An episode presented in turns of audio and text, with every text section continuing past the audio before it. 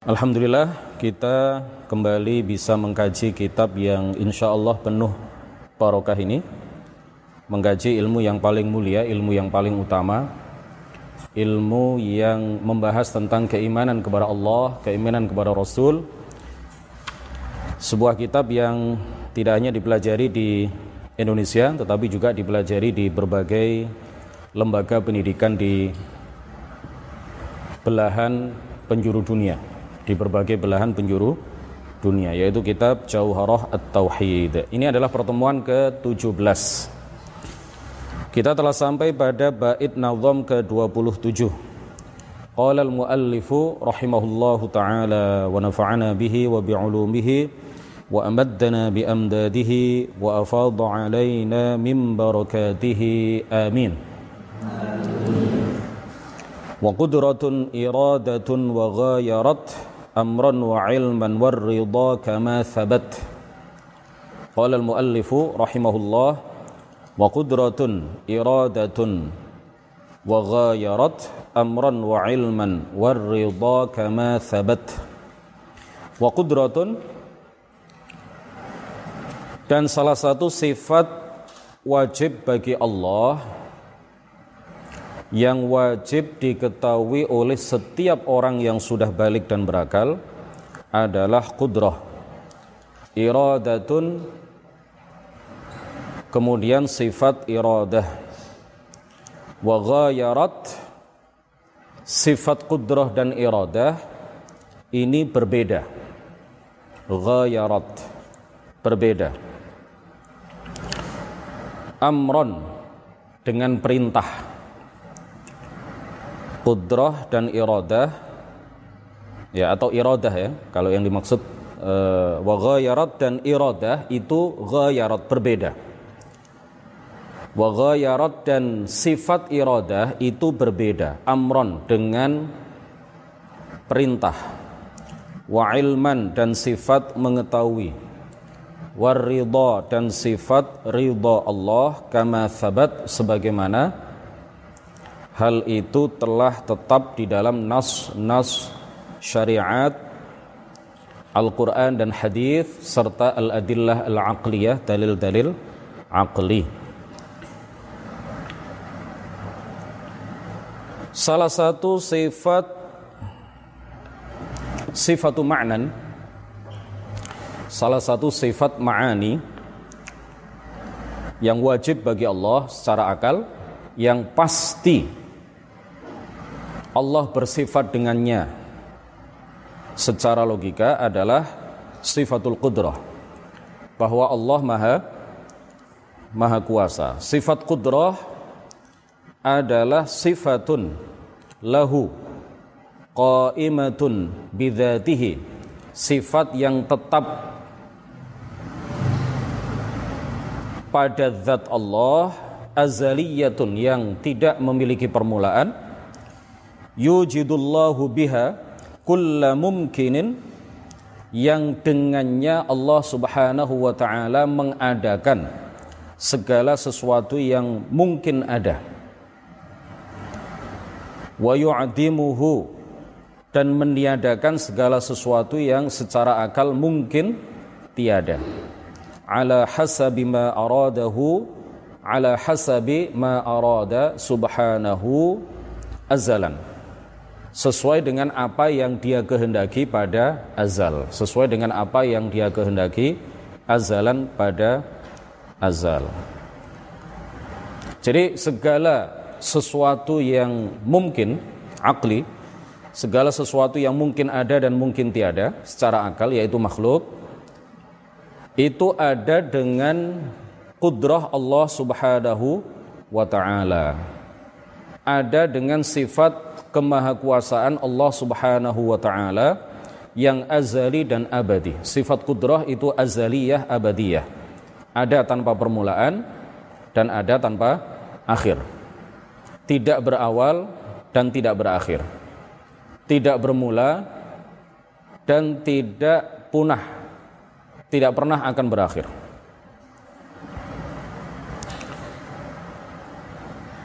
Nah dalil akli atas sifatul qudrah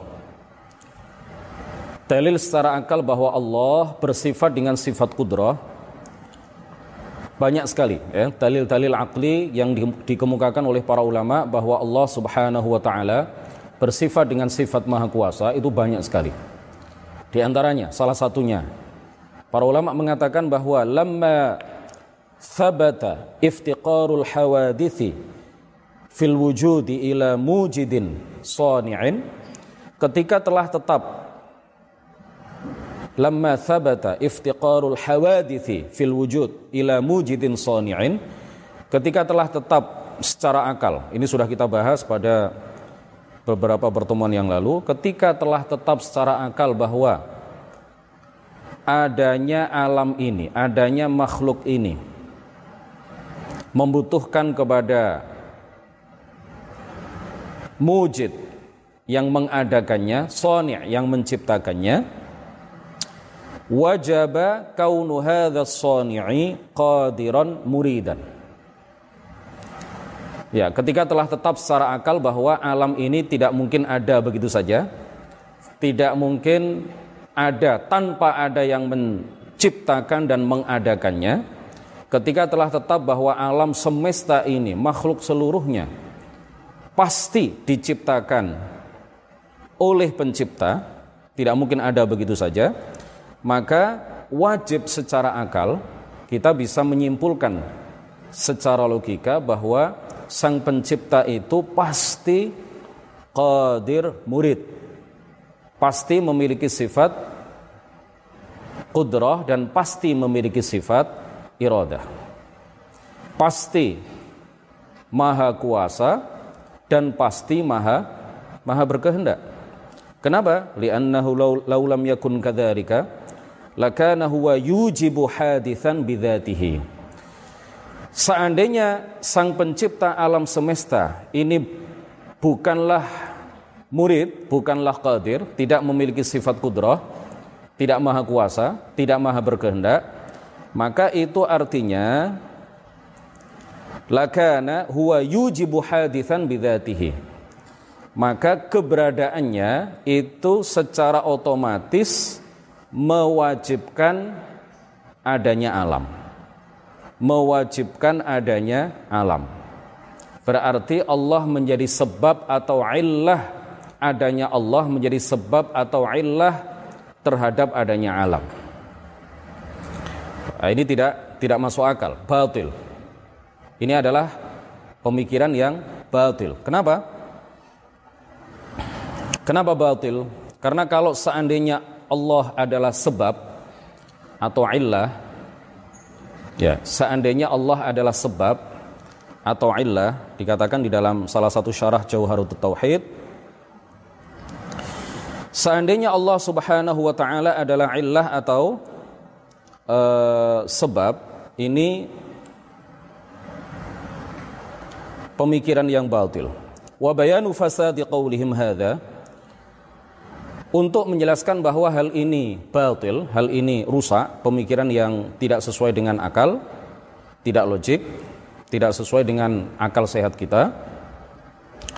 Annahu imma an yaqulu bi anna as-sani'a kana fil azal wa lam yujadil wa lam yujad al-hadithu au anna hadzal haditha wujida fil azal. Jadi orang-orang yang mengatakan bahwa Allah adalah sebab adanya alam atau illah terhadap adanya alam. Jadi mungkin perlu sebelum saya saya lanjutkan sebab itu apa? Sabab itu apa? Illah itu apa? Sabab itu didefinisikan sebagai hadithun yutawassalu bihi ila hadithin akhar waqad yatakhallafu anhu musabbabuhu. Sabab itu adalah sesuatu yang memiliki permulaan yang menyebabkan terjadinya sesuatu yang lain yang juga memiliki permulaan. Waqad yatakhallafu anhu musabbabuhu. Dan akibat dari sebab itu kadang terjadi kadang tidak. Itu sebab contohnya apa obat itu adalah sebab kesembuhan. Obat adalah sesuatu yang memiliki permulaan, kemudian akibat yang ditimbulkan oleh obat itu adalah kesem kesembuhan. Waqad yatakhallafu anhu musabbabuhu. Dan musabbab dari sebab yang berupa obat itu kadang terjadi, kadang tidak. Akibat dari sebab yang berupa obat yaitu kesembuhan. Sebabnya adalah obat, seb, eh, akibatnya adalah kesem, kesembuhan. Orang yang sakit minum obat itu pasti sembuh apa tidak? Belum tentu sem, belum tentu sembuh. Makanya dikatakan bahwa sebab itu kadang mengakibatkan akibat, terkadang ti, tidak. Jika sebuah sebab itu muncul, jika sebuah sebab itu terjadi, kadang akibat dari sebab itu terjadi, terkadang sebabnya saja yang terjadi tetapi akibatnya tidak terjadi. Ya, seperti itu tadi orang yang sakit kemudian minum minum obat. Obat adalah sebab. Kesembuhan adalah aki, akibat. Orang yang minum obat belum tentu sembuh, belum tentu terjadi kesembuhan. Tetapi terkadang juga terjadi kesem, kesembuhan yaitu sebab dan musabab atau sebab dan akibat. Nah, ada ada lagi istilah illah dan ma'lul. Apa? Illah dan ma'lul. Illah dan ma'lul. Illah itu artinya ma yujadul ma'lulu biwujudihi wa yu'damu bi'adamihi. Uh, illah itu adalah sesuatu yang adanya itu meniscayakan adanya ma'lul dan ketiadaannya itu meniscayakan ketiadaan ma'lul. Jadi illah dengan ma'lul itu selalu e, kalau illah ada berarti ma'lul juga ada. Kalau illah tiada berarti ma'lul juga tiada. Bedanya dengan sebab apa? Kalau sebab ada bisa jadi menyebabkan akibat, bisa jadi tidak menghasilkan akibat. Tetapi kalau illah dengan ma'lul, kalau illah ada, maka ma'lul ada. Kalau illah tiada, maka ma'lul tiada. Contohnya seperti apa? Ini kebetulan saya tidak bawa akik tadi ya, tidak bawa, tidak tidak pakai akik. Biasanya pakai akik. Ini tadi lupa, kelupaan. Nah, e, contoh dari illah dan ma'lul itu ada e, apabila dikatakan bahwa gerakan jari gerakan jari, gerakan telapak tangan yang di dalamnya ada akik, yang di dalamnya ada cincin, yang dikenakan pada salah satu jari itu cincin atau akik akan meniscayakan terjadinya gerakan akik yang ada di salah satu jari itu. Gerakan jari itu adalah illah, sedangkan gerakan akik yang terjadi akibat gerakan jari itu disebut ma'lul. Kalau jarinya bergerak, otomatis otomatis cincin yang ada di salah satu jari itu juga bergerak. Ada nggak orang yang pakai cincin kemudian jarinya bergerak, cincinnya tidak bergerak? Eh? Kalau jarinya bergerak, cincin yang ada di jari pasti bergerak. Nah ini disebut illah dan ma'lul. Ya, kalau obat dengan sembuh tadi disebut apa? Sabab dan musabab atau sebab dan akibat. Nah, tidak boleh kita mengatakan bahwa Allah itu sebab terjadinya alam. Tidak boleh kita mengatakan Allah adalah sebab terjadinya ah, alam. Karena kalau dikatakan bahwa Allah adalah sebab terjadinya alam, maka Allah ada kemudian menghasilkan keberadaan alam. Bukan Allah menciptakan alam dengan sifat kudroh dan irodahnya. Jadi hati-hati, ya, hati-hati. Perkataan Allah adalah sebab terjadinya alam itu uh, ucapan yang tidak sesuai dengan apa yang dikatakan oleh para ulama. Karena kalau seperti itu, kalau kalau dikatakan bahwa Allah adalah sebab adanya alam, itu artinya menafikan penciptaan Allah terhadap alam dengan sifat kudroh dan irodahnya. Berarti Allah ada kemudian menghasilkan keberadaan alam. Kan begitu? Padahal kita meyakini bahwa Allah menciptakan alam dengan sifat kudroh dan irodahnya. Paham ya? Makanya tidak boleh kita mengatakan bahwa Allah adalah sebab atau illah terhadap terjadinya atau keberadaan terhadap keberadaan alam semesta. Jadi kita yakin bahwa Allah menciptakan alam semesta itu dengan sifat kudrah dan sifat ira iradahnya. Nah, kita lanjutkan tadi yang disampaikan di dalam salah satu syarah Jauhara At-Tauhid setelah kita mengetahui definisi mengenai sebab, as-sabab, kemudian definisi mengenai al-illah, Kemudian kita juga sudah mengetahui bahwa tidak boleh dikatakan bahwa Allah adalah sebab terjadinya alam. Juga tidak boleh kita mengatakan bahwa Allah adalah illah akan keberadaan alam. Setelah kita tahu itu semuanya, maka perlu kami bacakan di sini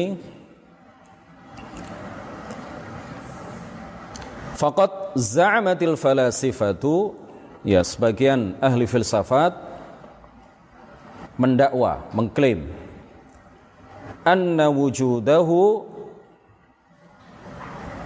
sabab wa illah tammah li wujudil musabbabi wal ma'luli wa annahu la ikhtiyara لهذا الصانع ولا قدرة في وجود شيء من هذا العالم Sebagian ahli filsafat menyebarkan propaganda, menyebarkan sesuatu yang bertentangan dengan apa yang diajarkan oleh para ulama ahli sunnati wal jamaah. Kata sebagian dari mereka bahwa Allah adalah illah dan sebab akan adanya musabbab dan ma'lul yaitu alam semesta. Dan mereka juga mengatakan bahwa pencipta alam ini itulah ikhtiyar wala qudrata lahu. Pencipta alam ini tidak memiliki kehendak dan tidak memiliki sifat maha kuasa. Pokoknya Allah ada, kemudian otomatis alam ini ada. Itu sebab dan akibat. Keberadaan Allah adalah sebab, kemudian keberadaan alam adalah akibat yang ditimbulkan. Itu artinya kan menafikan sifat kudrah dan sifat iradah Allah Subhanahu wa ta'ala. Wa bayanu fasadi qawlihim hadha. Untuk menjelaskan kerusakan pemikiran mereka ini kesesatan pemikiran mereka ini annahu imma an yaqulu bahwa ketika dikatakan seperti itu imma an yaqulu akibatnya adalah ada kalanya mereka kemudian mengatakan bi anna kana fil azal walam yujadil hadithu bahwa sang pencipta itu ada pada azal. Sang pencipta itu azali, tidak memiliki permulaan dan belum ada makhluk. Pada azal belum ada makhluk. Au anna hadzal haditha wujida fil azal.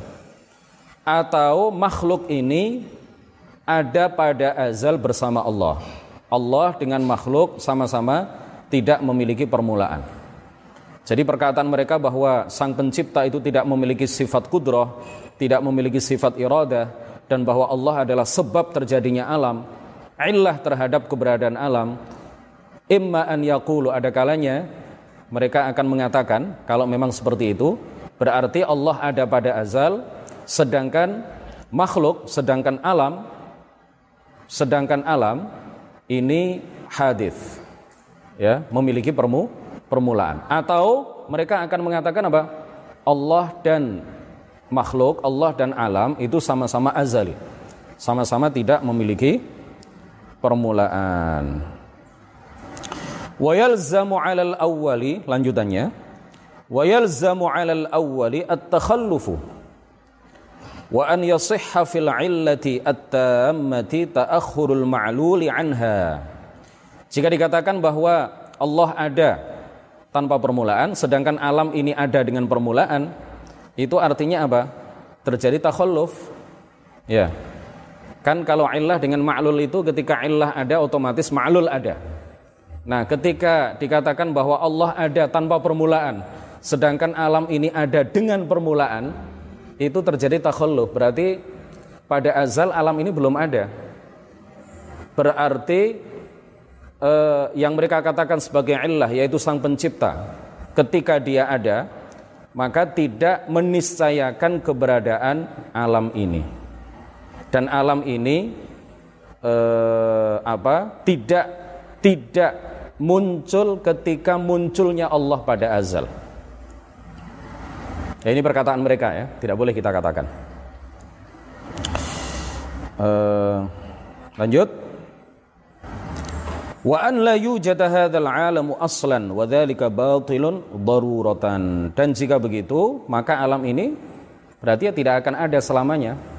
Jadi ketika Allah ada dan Allah itu adalah illah pada azal sudah ada, sementara alam itu pada azal belum ada, maka tidak akan pernah ada.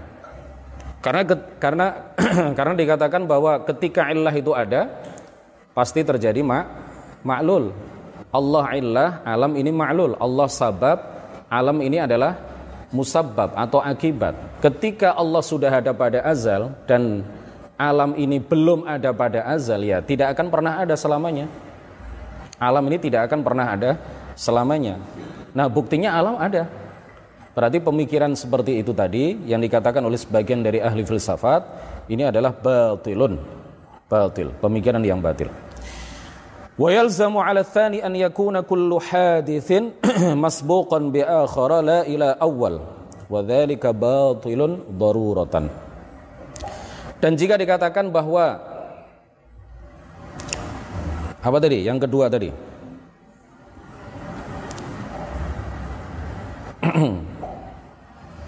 إما أن يقولوا بأن الصانع كان في الأزل ولم يوجد الحادث أو أن هذا الحادث وجد في الأزل jika dikatakan bahwa alam ini ada pada azal bersama Allah Subhanahu wa taala maka itu akan menjadikan alam ini didahului oleh keberadaan alam sebelumnya dan begitu seterusnya sampai terjadi daur dan ini mustahil terjadi daur. Ketika kita membahas sifat kidam Allah, beberapa pertemuan yang lalu kita menjelaskan mengenai uh, daur dan tasalsul. Bukan daur ya, tasalsul. Akan terjadi apa? Tasalsul. Jadi alam yang sekarang ini didahului oleh alam sebelumnya. Alam sebelumnya didahului oleh alam sebelumnya dan begitu seterusnya sampai tidak ada ujung pangkalnya dan ini mustahil. Dan ini mus mustahil. Jadi dengan demikian dengan demikian tidak tidak sulit ya, tidak sulit. Intinya begini, intinya bahwa uh, Allah Subhanahu wa taala menciptakan alam semesta, menciptakan uh, makhluk itu itu dengan sifat kudrah dan sifat iro, irodahnya. Bukan keberadaan Allah menjadi sebab akan keberadaan alam. Bukan seperti itu. Dalil nakli atas adanya atas sifat kudrah. Dalil nakli, dalil dari Al-Qur'an dan hadis bahwa Allah Subhanahu wa taala bersifat dengan sifat kudrah adalah firman Allah Subhanahu wa taala Qul huwal qadiru ala an yab'atha 'alaikum 'adzaban min fawqikum Di dalam ayat ini Allah Subhanahu wa taala menetapkan bahwa salah satu sifatnya atau salah satu namanya salah satu namanya adalah Al-Qadir. Kemudian di dalam ayat ayat yang lain Allah Subhanahu wa taala berfirman wa huwa ala kulli syai'in qadir. Di dalam ayat ini Allah Subhanahu wa taala menetapkan bahwa salah satu namanya adalah Al-Qadir. Al-Qadir Al-Qadir dua-duanya adalah nama bagi Allah Subhanahu wa taala. Allah juga memiliki nama Al-Muqtadir. Al-Qadir Al-Qadir, Al-Muqtadir itu semuanya adalah nama-nama Allah yang menunjukkan sifat kudrah. Itu semuanya adalah asma asma Allah tadullu ala sifatil kudrah. Tiga-tiganya adalah nama-nama bagi Allah yang menunjukkan sifat sifat kudrah. Dari hadis adalah apa yang diriwayatkan oleh Imam Al-Baihaqi di dalam Al-Asma' was Sifat. Kemudian juga diriwayatkan oleh At-Tabarani di dalam Al-Awsat. Dan juga diriwayatkan oleh para ulama perawi hadis yang lain bahwa Rasulullah sallallahu alaihi wasallam bersabda subhana dzil qudrati wal karam. Subhana dzil qudrati wal karam. Maha suci Allah yang memiliki sifat kudrah dan memiliki sifat kemuliaan. Ijma' Al-Imam Abu Mansur Al-Baghdadi. Al-Imam Al-Mutawalli. Al-Imam Al-Juwaini. Al-Imam Ibnul Jauzi. Mengutip ijma' umat Islam keseluruhan bahwa Allah Subhanahu wa taala bersifat dengan sifat kudrah. Jadi orang yang mengingkari sifat kudrah hukumnya adalah keluar dari agama Islam. Orang yang tidak mengimani sifat kudrah, orang yang tidak percaya bahwa Allah memiliki sifat kudrah, maka dia bukan orang Islam. Sudah jam berapa ini? Habis ini saya ngisi acara offline soalnya. Nggak ada yang bawa jam. Taib. Kita lanjutkan sedikit. Yang berikutnya adalah sifat uh, sifatul iradah. Salah satu sifat yang wajib bagi Allah secara akal adalah sifat iradah. Sifat iradah ini disebut juga al-masyiah yaitu sifatun lillahi ta'ala sifat bagi Allah qadimatun abadiyatun yang tidak memiliki permulaan yang tidak bermula abadiyatun yang uh, kekal yang tidak berakhir. Qaimatun bidzatihi yang tetap pada zatnya. Qaimatun bidzatihi ay thabitatun bidzatihi yang tetap pada zatnya. Wabiha dan dengan sifat iradah itu yukhassisullahul mumkinal aqliyah. Allah mentakhsis Allah apa mentakhsis itu ya? Mengkhususkan al-mumkin al-aqliya sesuatu yang secara akal mungkin ada dan mungkin tiada yaitu makhluk. Bi ba'dhi ma yajuzu alaihi duna ba'din wa bi waqtin duna akhar. Dengan sesuatu yang ya bi ba'dhi ma yajuzu alaihi dengan sebagian sifat yang mungkin berlaku padanya duna ba'din bukan dengan sifat-sifat yang lain mengkhususkan makhluk tertentu dengan sifat tertentu bukan dengan sifat-sifat yang lain wabi waktin duna akhar dan mengkhususkan sebagian makhluk hidup pada waktu tertentu tidak hidup pada waktu yang yang lain itu sifat iradah jadi iradah dengan masyiah itu mutaradifan, sinonim ya, sama. Iradah dengan apa? Masyi masyiah itu artinya sama.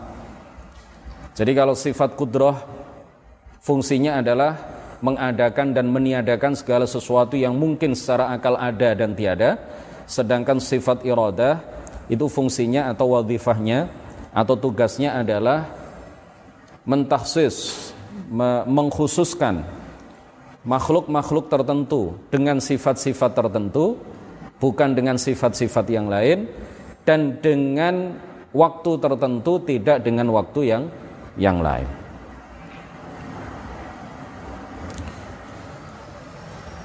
Kenapa kita saat ini berada di tempat ini melakukan kegiatan ngaji seperti ini dengan jumlah sekian ini karena Allah menghendaki hal itu.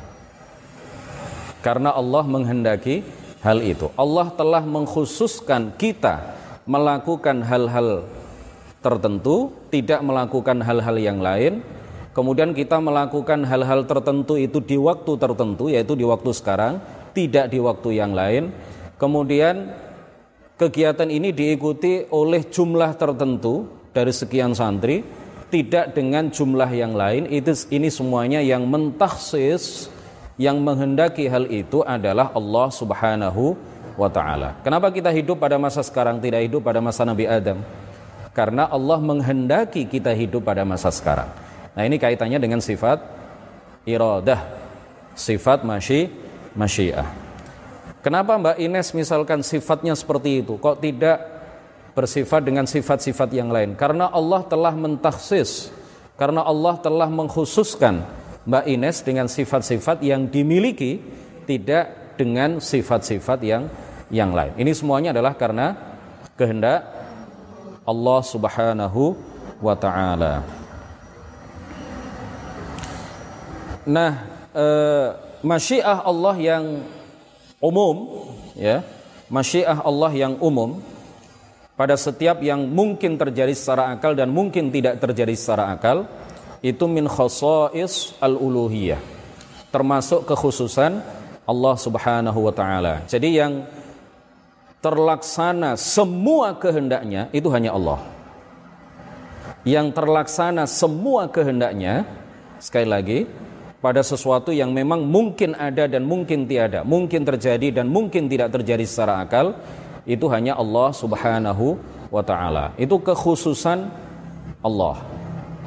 Ya, kita makhluk menginginkan sesuatu, keinginan kita mungkin terjadi dan mungkin tidak tidak terjadi. Itu makhluk. Sedangkan Allah semua kehendaknya apa pun yang dia kehendaki pasti terjadi dan apa pun yang tidak dia kehendaki pasti tidak pasti tidak terjadi. Nah, tetapi ingat bahwa sifat kudroh dengan sifat iroda, sebagaimana yang pernah kami sampaikan, itu hanya berkaitan dengan sesuatu yang mungkin terjadi secara akal dan mungkin tidak terjadi secara secara akal. Karena sifat kudroh itu tugasnya adalah mengadakan dan meniadakan. Mengadakan apa? Mengadakan sesuatu yang mungkin ada secara akal. Meniadakan apa? Meniadakan sesuatu yang mungkin tiada secara secara akal. Nah, sesuatu yang pasti ada yaitu Allah dan sifatnya itu tidak mungkin ditiadakan. Secara akal tidak mungkin tiada. Oleh karena itu, tidak boleh kita mengatakan apakah Allah Maha Kuasa untuk mematikan dirinya karena matinya Allah itu adalah sesuatu yang tidak mungkin terjadi secara akal. Adanya Allah itu adalah sesuatu yang pasti secara akal. Dia tidak mungkin tiada. Ketiadaan Allah itu adalah sesuatu yang mustahil terjadi secara akal. Dia tidak mungkin terjadi. Jadi sifat kudrah Allah itu nggak ada kaitannya dengan sesuatu yang pasti terjadi, pasti ada, yaitu Allah dan sifat-sifatnya. Dan sifat kudra Allah tidak berkaitan dengan sesuatu yang tidak mungkin terjadi secara akal. Karena sesuatu yang tidak mungkin terjadi secara akal itu tidak mungkin diadakan. Tidak mungkin diadakan. Sementara fungsi sifat kudra adalah mengadakan dan meniadakan sesuatu yang secara akal mungkin ada dan mungkin mungkin tiada. Sesuatu yang pasti ada, tidak bisa ditiadakan secara akal. Sesuatu yang tidak mungkin ada secara akal, tidak mungkin diadakan secara akal. Matinya Allah itu adalah sesuatu yang tidak mungkin terjadi. Oleh karena oleh karena itu apa? Tidak ada kaitannya dengan sifat kudrah. Begitu juga sifat iro, irodah. Begitu juga sifat irodah. Kudrah dan irodah itu kaitannya dengan apa? Sesuatu yang secara akal mungkin ada dan mungkin tiada. Sesuatu yang secara akal mungkin terjadi dan mungkin tidak tidak terjadi. Dalil akli atas sifatul iradah.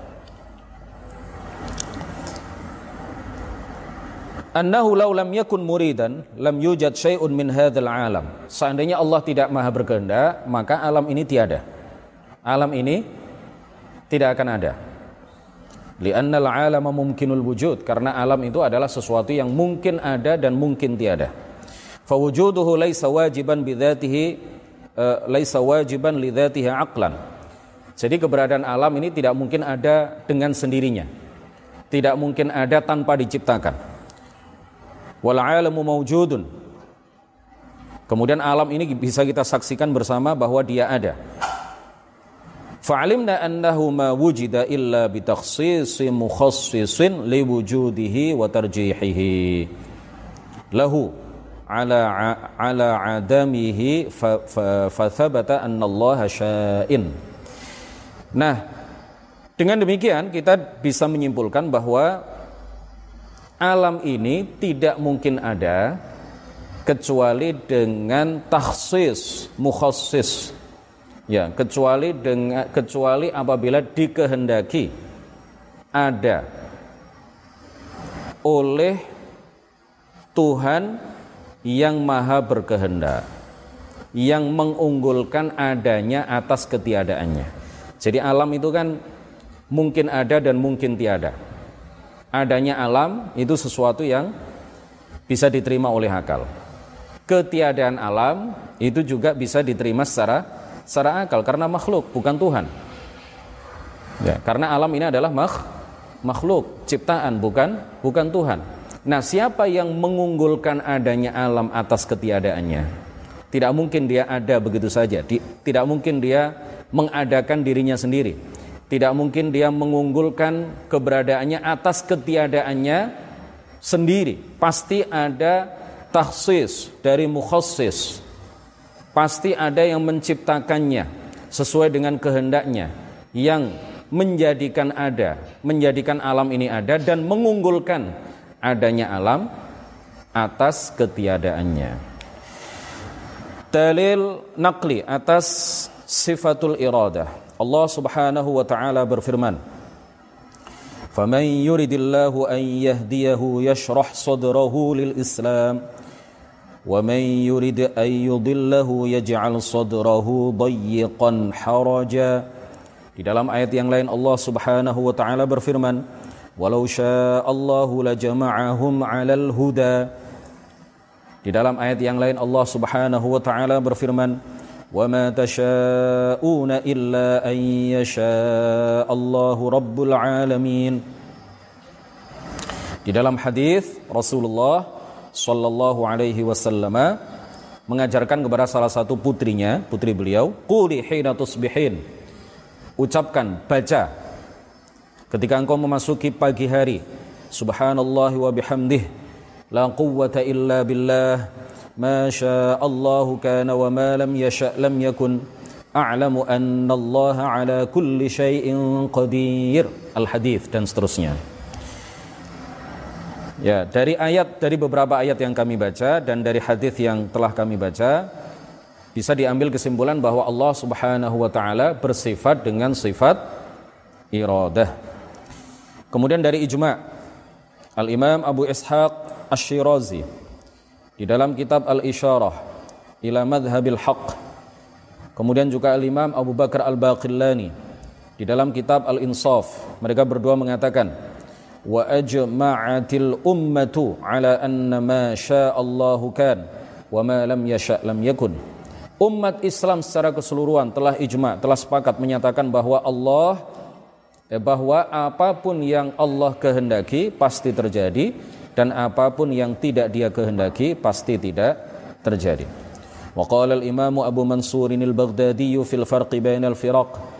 Di dalam kitab Al-Farq bain al-firaq, Al-Imam Abu Mansur al-Baghdadi mengatakan wa ajma'a ahlus sunnati Ahlus sunnah sepakat menyatakan ala anna Allah ta'ala masyiatuhu wa ikhtiyaruhu bahwa iradahnya Allah itu adalah masyiahnya dan ikhtiarnya kehendaknya Summa qala, kemudian beliau juga mengatakan wa qalu aidan. Ulama ahli sunnati wal jamaah mengatakan inna iradatahu nafidhatun fi jami'i muradatihi ala hasabi ilmihi biha. Kehendak Allah itu pasti terlaksana pada semua yang ia kehendaki sesuai dengan ilmunya. Fama alima kaunahu minha arada kaunahu maka sesuatu yang diketahui oleh Allah Subhanahu wa taala ada maka ia juga dikehendaki ada oleh Allah. Fil waqtil ladzi alima annahu sayakunu fihi annahu yakunu fihi. Pada waktu yang ia kehendaki terjadi sesuai dengan kehendaknya. Wa ma alima annahu la yakun dan sesuatu yang diketahui oleh Allah Subhanahu wa taala bahwa ia tidak akan ada arada alla yakun berarti juga dikehendaki oleh Allah tiada. Wa qalu dan para ulama ahli sunnati wal jamaah juga berkata satu baris lagi. Sudah mulai ngantuk ya?